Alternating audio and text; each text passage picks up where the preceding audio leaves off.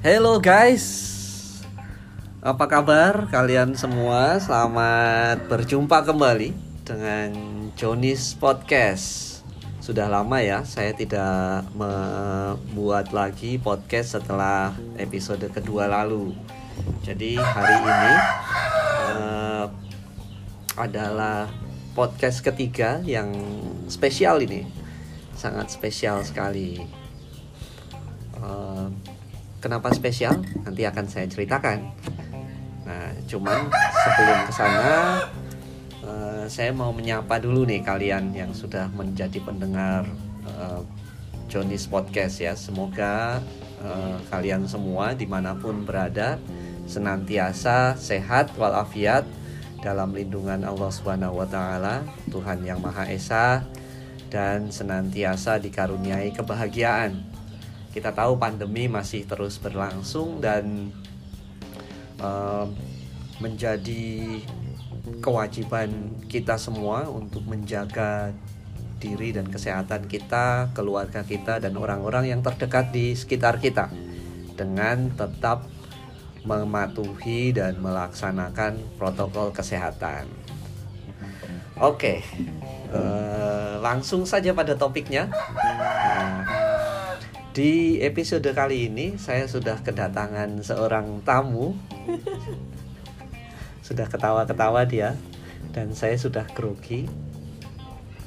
Tamunya adalah nah saya kenalkan dulu. Dia ini seorang perempuan uh, umurnya berapa? Sama lah dengan kamu. umurnya 40 tahun kira-kira. Kemudian asalnya dari Cirebon. Dia adalah uh, ibu berputri empat dan uh, biasa dipanggil dengan nama akrab Asih. Dia adalah istri saya sendiri. Halo, selamat datang Bunda. Selamat datang, selamat datang. Selamat sore kali. Gimana kabarnya? Alhamdulillah baik suaranya pelan banget nggak masuk rekaman nanti. Pelan ya? Iya nah gitu dong. Agak kerasa dikit. Alhamdulillah sehat semua ya. Ya oke. Nah kamu tahu nggak kenapa diajak rekaman? Nggak tahu. Kamu yang grogi kok aku biasa aja.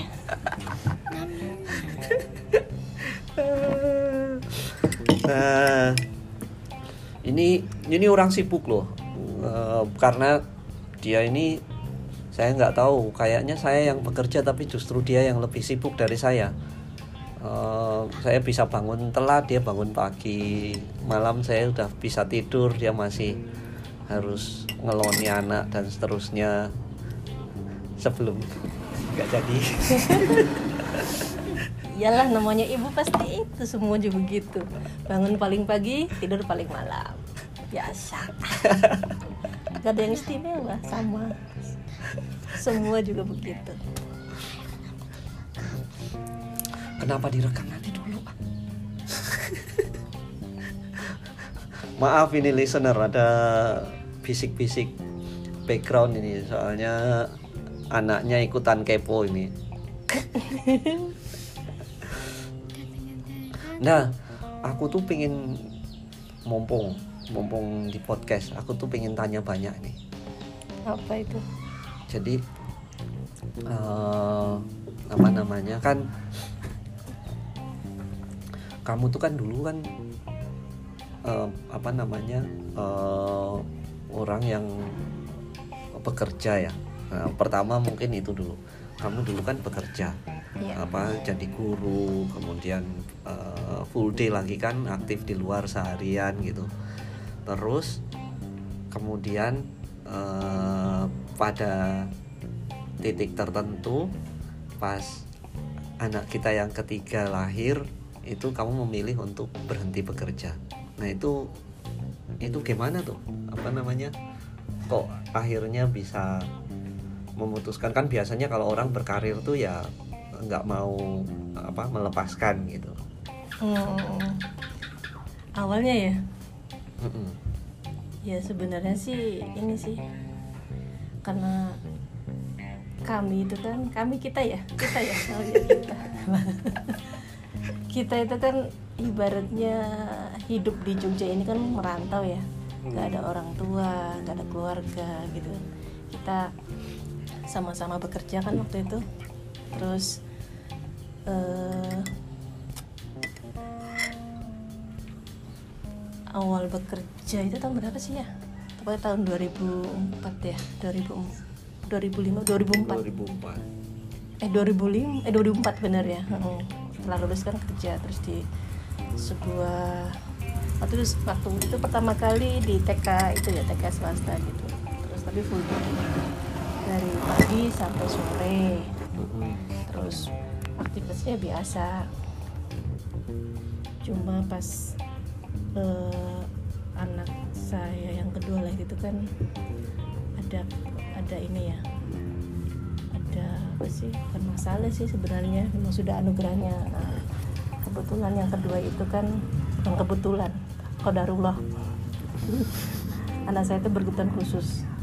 Itu si piringan awalnya sih sebenarnya nggak nggak ini sih nggak tahu kalau dia begitu. Soalnya sejak dia dalam kandungan dalam itu nggak ada masalah. Cuma pas usia berapa ya? 9 bulan waktu itu. Karena kan saya mu- mungkin karena background saya tuh pendidikan luar biasa jadi ketika perkembangan anak itu tidak sesuai nah itu saya mulai khawatir. Sudah mulai kayak ada warning gitu kok 9 bulan belum bisa duduk waktu itu? Nah terus saya itu terus ngomong ke suami tuh. terus suami juga kebetulan ket- suaminya kamu ya? Nah kebetulan juga waktu itu ketemu dengan Prof. Nartini ya. Terus Iya. dibicarakan juga. Terus ternyata sama Prof. Nartini udah bawa aja ke tempat saya. Terus akhirnya malamnya langsung waktu itu ya malamnya besoknya tuh malamnya. Saya bawa dia. Ternyata memang terus menurut Prof. Martin itu ada kayak semacam ke- kayak ketidakseimbangan saraf gitu ya. Tapi kan karena untuk lebih jelasnya terus suruh scan otak sama paru waktu itu ya. Nah ternyata dari scan otak itu ketahuan bahwa dia tuh kayak itu si piringan sipi itu. Jadi ada ba- banyak ruang-ruang kosong di otaknya itu. Terus akhirnya kita terapi waktu itu ya. Nah, terapi sampai tiap bulan kan waktu itu. Terus seminggu dua kali. Nah waktu itu kan saya benar-benar terkerja dengan waktu tuh. Antara kan full day full day saya itu mungkin nggak seperti orang-orang biasanya ya. Karena dari pagi itu pasti sudah sibuk sekali. Nganter apa pagi-pagi sudah pagi banget jam 6 kurang kan kita berangkat ya. Jam 6 nganterin anak nganterin suami baru ke sekolah gitu kan. Nanti pulangnya pun begitu. Suami anak kalau ada terapi langsung terapi. Jadi itu sudah rutinitas. Sebenarnya saya tidak pernah mengeluh sih waktu itu. Cuma saya jalani aja. Cuma pas pas ini ya. Terus saya waktu itu di apa sih di dipindahkan juga. Kerjanya itu di di SD-nya, di inklusinya kan, terus saya nangani anak-anak berkebutuhan khusus. Nah, waktu itu, nah, kodarullah juga pas anak saya itu masih usia 13 bulan ya, yang kedua itu yang itu terus saya dikasih amanat lagi tuh hamil gitu kan, terus saya merasa waduh kayaknya itu kalau saya begini toh sama waktu itu saya ya memang gini sih eh, kalau saya terus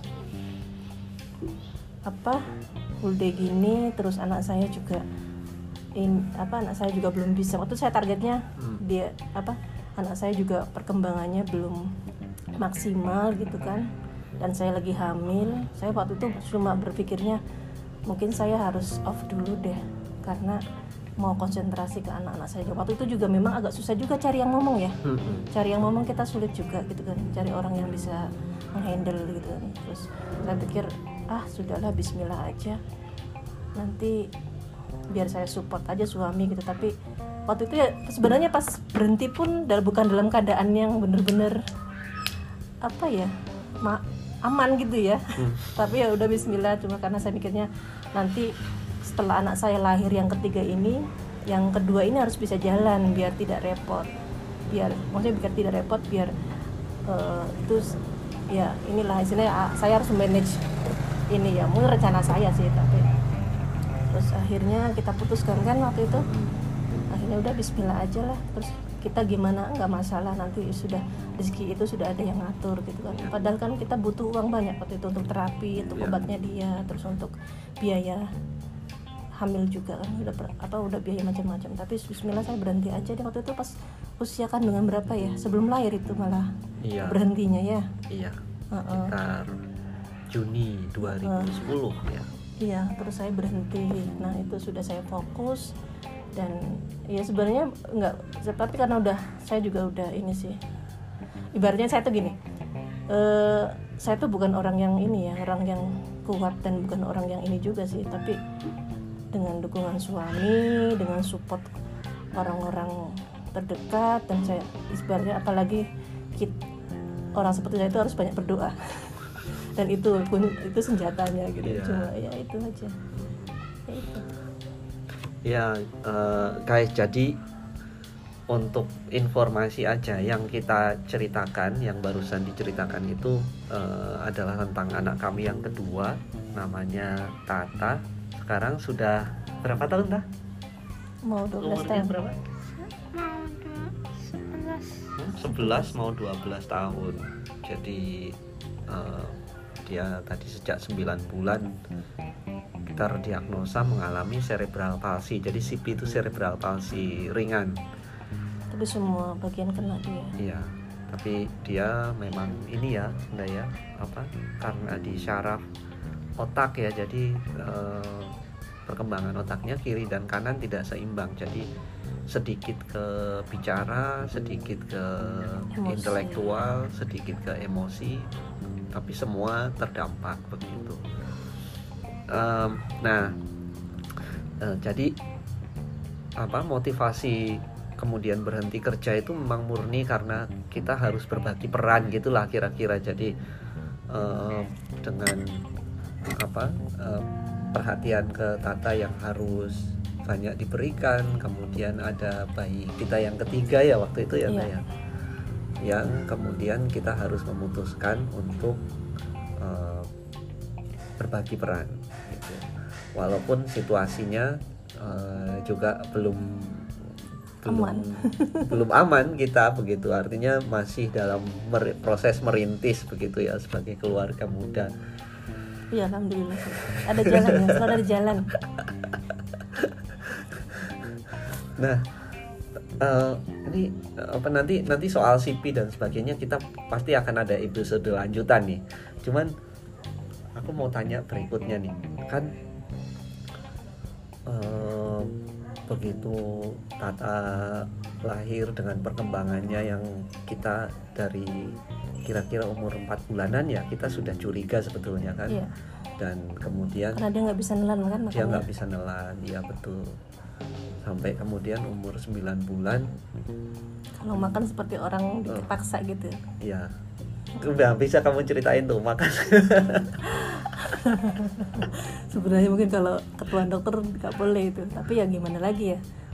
Saya juga waktu itu bingung tuh waktu itu saya konsultasi ke bidan yang proses persalinannya dia ini kan terus bilangnya ini kok nggak bisa nelen dicangar aja katanya cangar tuh maksudnya itu loh ditutup hidungnya terus mak glek gitu dipaksa pas Dipaksa. mulutnya terbuka Oh. dimasuki terus makanan mm-mm.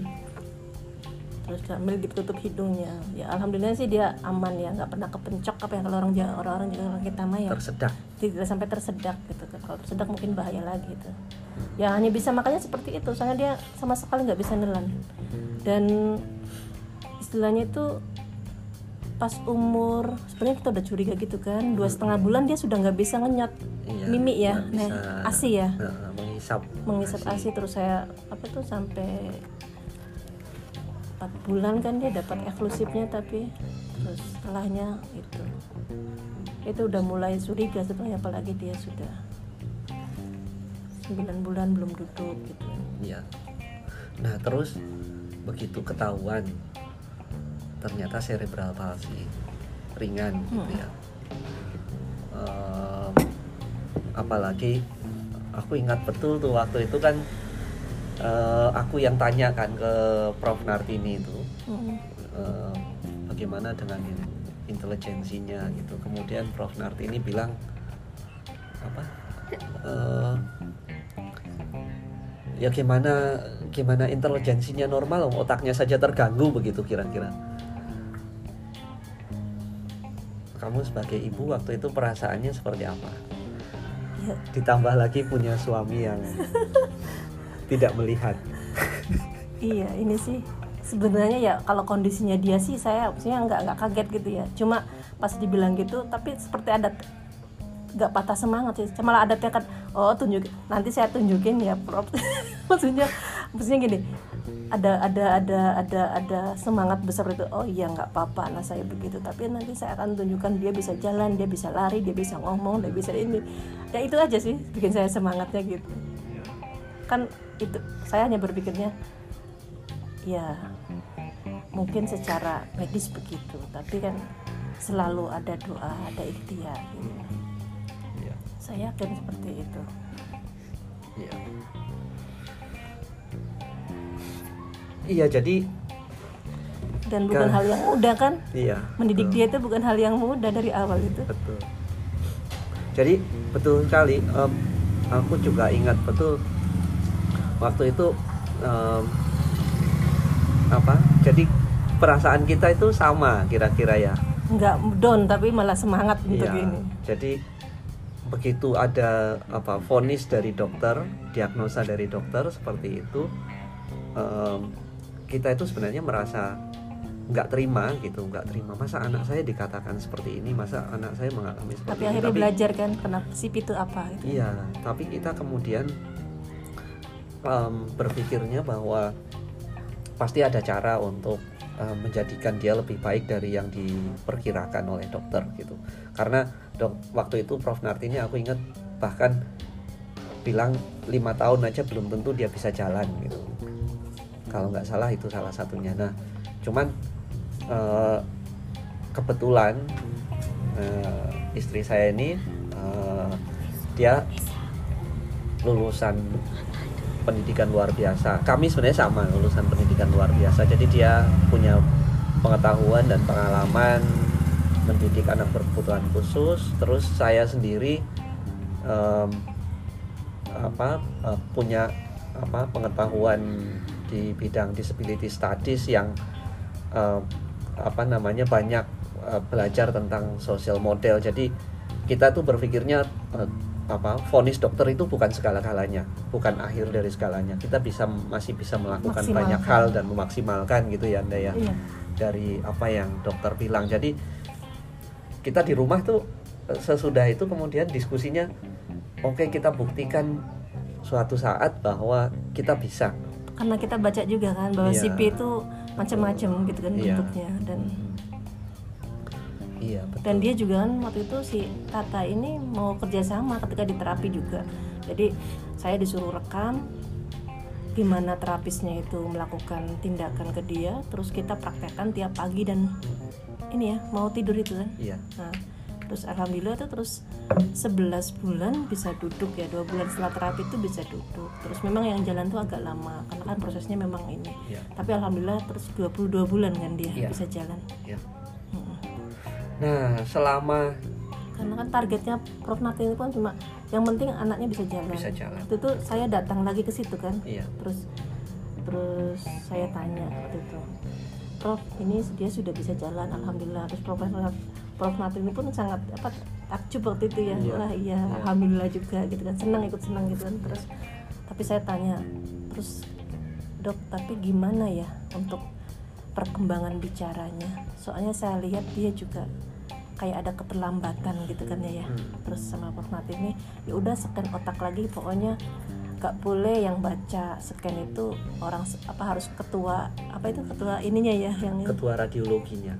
Hah? ya, ketua ya pokoknya ada bagian scan otak itu ya Iya. Heeh. Hmm. terus akhirnya dapet terus ternyata memang ada ini terus tapi yang ke datang yang itu tuh terus Hafidnya tapi nggak se, se ini dulu ya terus bilang ini memang ada sedikit di pusat proka pusat proka itu pusat bicara sempit gitu ya ininya Iya. karena kan bagian otaknya dia tapi alhamdulillah tuh terus eh, apa bagian-bagian otaknya sudah mulai terisi kan Iya. sudah mulai nyambung-nyambungnya itunya ya Hmm. dari hasil itunya itu kan Iya. terus terus kata Prof ini tapi kan bisa dilatih sama ibunya sendiri tidak perlu apa tidak perlu bicara ini ya terapi bicara gitu kan Iya. akhirnya ya udah kita latih bersama-sama kan waktu itu. Dia ngomong apa kita dia tak dudukin terus suruh niruin. Tapi yang kem- perkembangan cepatnya itu ketika yang ketiga itu belajar bicara ya. Jadi kayak semacam tutorial sebaya dia belajar ngomong itu kan. Iya. iya. Iya, jadi eh, tadi yang dimaksud ber- eh, cepat perkembangannya itu ketika anak kami yang ketiga, Fafa itu mulai belajar bicara kan ya. iya Terus mereka sama-sama sama-sama apa dalam fase belajar bicara gitulah kira-kira. Nah, tapi tadi kan akhirnya umur 23 bulan bisa jalan. 22 ya. 22 ya. Nah, mungkin bisa dibagikan gimana apa aja yang dilakukan sampai kemudian akhirnya 22 bulan bisa jalan. ya itu di samping terapinya rutin ya. Maksudnya walaupun dalam keadaan payah pun kita kan selalu datang ke terapinya rutin terus obat sarafnya juga selalu diminum rutin kan. Nggak pernah telat karena apa? Pokoknya pagi sore. Terus waktu itu juga disarankan tidak boleh minum air putih. Jadi bisa air gula, air madu, air buah gitu. Soalnya katanya nanti kalau air putih melarutkan zat apanya saya tidak kurang mengerti juga. Tapi ya alhamdulillah terus tiap pagi dan itu setiap mau tidur tuh kita selalu latih. Dan sebenarnya Tata itu anaknya mudah apa ya mengingat gitu.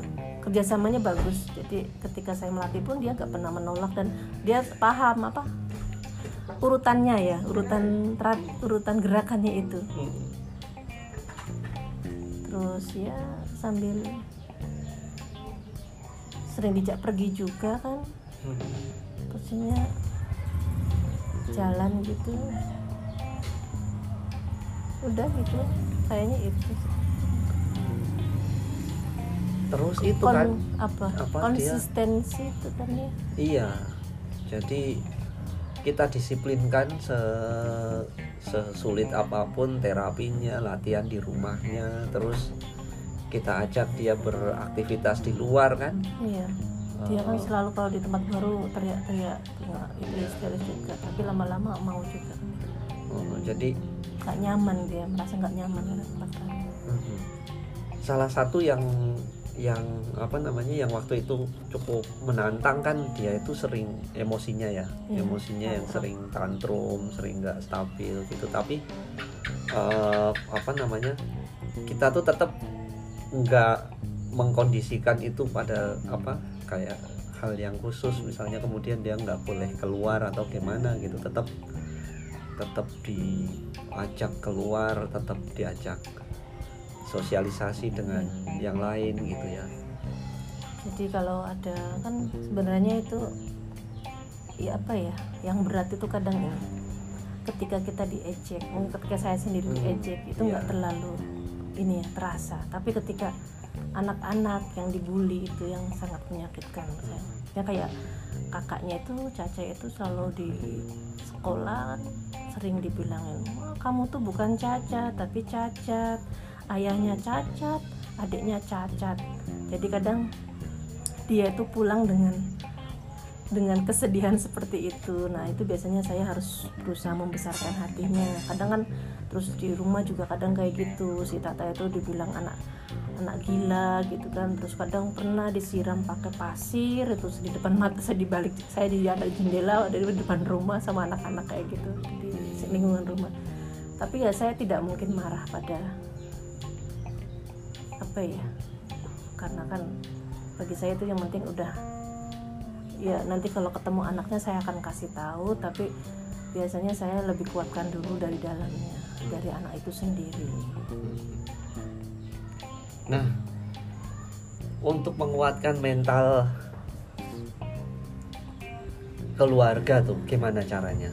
Tadi selain apa namanya ya anaknya dikuatkan gitu kan kalau satu dua kali mungkin kita kan bisa ya Mm-mm. masih Iya. melupakan gitu tapi kalau itu uh, berlangsung terus menerus hampir setiap hari ketemu dengan uh, perilaku seperti itu gitu ya Uh, orang apa Iya. membuli, menstigma dan macam-macam itu kan uh, nggak mudah gitu. Nah cara cara untuk menguatkan itu gimana? Menguatkan Tata, menguatkan kakaknya, menguatkan ya, kita semua. Iya. Sebenarnya hal yang pertama itu sebenarnya apa ya? Ya alhamdulillah sih kita itu kan selalu ada komunikasi ya. Kehangatan keluarga itu ada gitu. Maksudnya untuk saling menjaga satu sama lain itu sudah diterapkan dari awal kan. Nah, dan itu juga satu itu. Terus yang kedua juga anak-anak sering diajak ke itu sering saya sering ikut kamu kan ke acara. Maksudnya untuk mengenal banyak orang untuk mengenal banyak difabel untuk mengenal bahwa itu loh lihat walaupun mereka punya keterbatasan tapi mereka bisa. Dan kalau di kalau di kalau dicaci kalau dibully itu biasa. Malah harusnya tambah kuat. Kayak gitu aja sih. Hanya itu. ya lama-lama ya apa ya anak-anak juga bisa ini sendiri lah terus misalnya kayak kakaknya itu ya udah kalau terus menurut kakak gimana? Kakak malu punya ayah yang buta enggak. Kakak juga malu punya adik yang begitu? Enggak. Lah terus apa yang ini kakak? Toh kita di sini semua sudah menerima kakak juga menerima. Tapi kasihan katanya kasihan ayahnya yang digituin. Terus coba ayah ayah ini enggak? Kita kan begitu ya? Ayah ayah ma ayah ini nggak sakit hati nggak digituin ya dibilang kayak gitu. Saya biasanya ayah bilang enggak ngomongnya tanah ayah buta kok. Biasanya kayak gitu ya Iya. nyatanya ayah buta kok. Terus apa ya yang penting itu kita itu udah nggak- yang kita nggak apa-apa kondisi kita begini. Mungkin kondisi kita memang berbeda keluarga kita memang istimewa unik. Nggak semua keluarga seperti kita. Tapi kan kita nggak pernah repotin orang. Yang penting kita itu nggak nggak menyakiti orang nggak pernah melakukan hal yang sama. Nah itu sebenarnya itu cacat itu kalau kita punya cacat hati untuk menyakiti orang melakukan hal yang sama yang berlakukan makanya terus besoknya kan dia gitu tah si Caca itu. Terus misalnya dia bilang Caca cacat anaknya Bang Buto adiknya gila. Terus dia bilang gak apa-apa yang penting gak cacat hatinya seperti kamu. Inget itu Iya. Heeh, memang ya memang ya maksudnya sebenarnya tidak semudah kata-kata seperti ini sih. Tapi lebih Iya. banyak prosesnya lebih banyak dijak bicara dijak berinteraksi gitu kan. Iya. ibaratnya misalnya anak-anak juga diperlihatkan bahwa kita tidak boleh memandang berbeda dengan orang lain perbedaan itu biasa maksudnya coba lihat kadang kan saya mencontohkan juga coba lihat ayah. Ayah enggak lihat tapi ayah bisa melakukan hal yang lain kan? Iya anak-anak biasanya begitu. Saya kumpulkan kan biasanya kayak gitu. Terus coba ayah bisa bekerja kan? Iya mereka kayak gitu. Nah ya udah. Toh yang ayahnya mereka orang lain lakukan tuh ayah juga melakukan terus kalau memang Tata itu memang begitu sering emosi ya dia memang harus ada yang mengerti coba bayangin aja. Dia tuh mungkin frustasi loh. Dia hanya bisa melakukan kan ini ya Tata itu kan lebih kuat kiri kan jadi yang kanannya kan agak cenderung lemes Tangannya. tangannya. Jadi kadang dia frustasi mungkin mau pakai baju mau pakai apa. Dia lebih banyak frustasinya karena harus melakukan apa apa dengan tangan satu. Walaupun bunda sering mengingatkan tangan kanannya dipakai tangan kanannya dipakai. Ayo tangan ininya gitu. Tapi ya itu. Maksudnya saya tuh itu seperti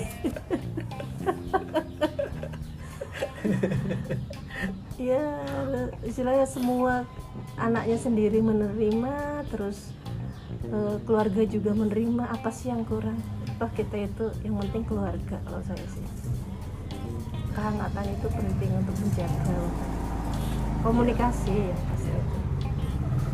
Iya, jadi kuncinya tadi satu komunikasi ya, komunikasi di dalam keluarga. Yang kedua yang menciptakan kehangatan. Pokoknya semua harus merasa menerima menerima gitu terus tidak malu tidak Iya. Nah, yang ketiga tadi yang penting kayaknya memang selalu dalam momen apa pun itu selalu kita tanamkan ya bahwa apa namanya em, kita itu harus berbesar hati dengan kondisi yang kita alami dan membuat membangun konsep bahwa apa namanya dengan kondisi ini kita bukan bukan berarti tidak berharga gitu tapi eh, sebenarnya kita tuh sama dengan yang lain dan bahwa sebenarnya apa kita keluarga yang unik yang istimewa Iya, selalu begitu ya. Seperti pelangi, ceria, ya meriah, ceria meriah. ceria meriah gitu Dan kamu tahu sendiri kan, aku juga tidak mudah sebenarnya. Kayak aku kan termasuk orang yang punya bibit apa ya, kecemasan tinggi gitu kan. Ketika mengalami suatu tekanan, mungkin tanpa orang tahu, tanpa orang mengerti kan. Hmm. Kadang ada kekhawatiran gitu kan, misalnya gini. Oh anak-anakku banyak kecil-kecil, nanti siapa yang kadang terlintas seperti itu. Terus kadang juga ya termasuknya Tata juga tiap hari ya menguras emosi kan ya istilahnya itu menguras emosi dalam artian tantrumnya dia kadang moodnya dia yang cepat berubah apa namanya itu terus tiba-tiba dia marah tiba-tiba dia nangis gitu kan. Jadi saya harus mem- membesarkan hati dan apa ya meluaskan sabar apa sih bisa mereng harus bisa merengkuh dan ya, itu juga kadang saya juga pada salah satu titik yang apa ya pada saat sudah titik yang saya tidak sendiri tidak mampu gitu gimana saya harus melakukannya biasanya saya ya hanya ini hanya bisa berdoa. Ya berdoanya itu ya ini. Gusti itu memang aku tuh memang dikasih amanah titipan dari Allah kan dan aku merasa sudah tidak mampu untuk mendidiknya. Maka tunjukkanlah jalan keluar biar aku punya pengetahuan untuk Hmm. mendidiknya lebih baik. Biasanya dengan sedikit ikhtiar berdoa dengan yakin itu apa ya ada kekuatan ada terus ada jalan. Anak-anak juga mulai mau mendengarkan kok jadi pelan banget suaranya Sahdu soalnya sambil hujan ini. Aku sambil sambil mendengarkan tetesan hujan ini. aduh iya, karena kita itu kan ibaratnya anak itu hanya titipan. Ter- Terkadang itu apa ya? Ilmu kita, pengetahuan kita itu mentok tidak tahu caranya gimana harus ini ya hanya bisa meminta ya sama yang ngasih amanah Hmm, yang ngasih titipan iya. untuk dijari dija- di- diberikan pengetahuan diberikan ilmu ya tentunya kita juga sambil mencari-cari misalnya cari ilmu parenting cari Iya. ilmu ilmu yang untuk mendidik anak lebih baik itu Iya. Saya berkaca dari orang-orang yang sudah sukses mendidik anak kalau kalau aku makan jauh dari masih jauh. Anak-anak masih masih turun naik kayak gitu. Jadi memang tetap proses belajar itu kita sebagai orang tua itu tetap lakukan tapi juga apa namanya harus berani untuk mengambil keputusan untuk melakukan yang terbaik begitu. Eh, apa pun keterbatasan kita. Jadi eh, apa namanya memprioritaskan ya. Tata prioritas. dari sisi waktu, dari sisi materi gitu memang harus betul-betul diprioritaskan untuk untuk itu begitu. Karena em, ya kami kan melihatnya Tata itu usia perkembangannya ya pada saat itu gitu kalau kita tidak mulai dari situ em, kalau terlambat akan lebih buruk lagi situasinya begitu Takut soalnya dia. Iya. Nah, memang faktor-faktor yang lain juga pasti banyak kayak tadi misalnya eh, kamu bilang kan kamu punya kecemasan ya Mm-mm. dan itu juga hal yang eh, sebenarnya banyak Jadi doanya se- semoga sehat dan waras. waras dan artian nggak hi- nggak histeris, nggak inilah lihat apa ceria meriahnya anak-anak ya. iya betul jadi ya itu inilah apa hal hal unik yang lain Lengkap kita itu. Aduh. Iya iya iya. Tapi tapi gini guys, apa namanya? Kalau kalau saya ambil topik ini kemudian cerita apa eh, banyak tentang ini, kita cerita banyak tentang ini tuh bukan untuk apa yang mendengarkan itu kemudian menyimpulkan wah kasihan sekali ya begitu. Tapi pesannya kan sebetulnya adalah bahwa eh, hal seperti ini itu sebenarnya bukan hanya kita yang mengalami ya, Iya. tapi banyak orang-orang lain yang eh, juga berada pada situasi yang sama. Bahkan mungkin ini bukan mendoakan ya, bukan mendoakan. Mungkin yang mendengar ini atau orang-orang yang terdekat kita juga sedang atau suatu ketika akan mengalami hal yang sama. Jadi eh, semoga pengalaman kita ini bisa jadi apa ya? Sedikit lah ya. Sedikit Kalau nggak banyak. sedikit aja. bisa jadi sedikit apa pengalaman bisa sedikit menguatkan gitu ya eh, teman-teman yang punya pengalaman yang sama artinya eh, seterbatas apa pun itu usaha kita ikhtiar kita itu tetap pasti akan ada pengaruhnya ya Nah, ada manfaatnya iya. Salah satu juga ini ya.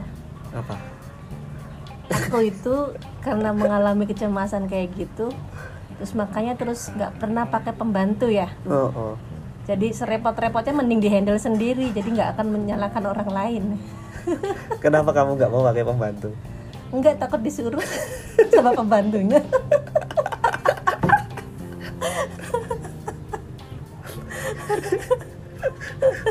Iya tuh kita punya cerita tuh ya. Iya. Waktu anak-anak Anak yang umur berapa ketiga. ya? Yang Umur ketiga berapa ya? itu. Yang ketiga ya. Karena masih baru sesar kan, Oh, oh. karena Masih- terbatas nggak ada orang lain. Masih bayi satu bulan atau dua bulan gitu. Mm-mm. Terus kita tuh iseng-iseng, eh, iseng-iseng. Nyari yang bantuin masak sama itu toh. Mm-mm. karena kan pulihnya kan kalau sesar tuh agak lama nggak ya orang tua juga kan jauh toh terus kamu juga kan kerja jadi memang aku perlu ini. Ya dari ketika yang itunya lagi nonton TV pas saya bilang mbak itu minta tolong ininya. I- ibu aja yang makain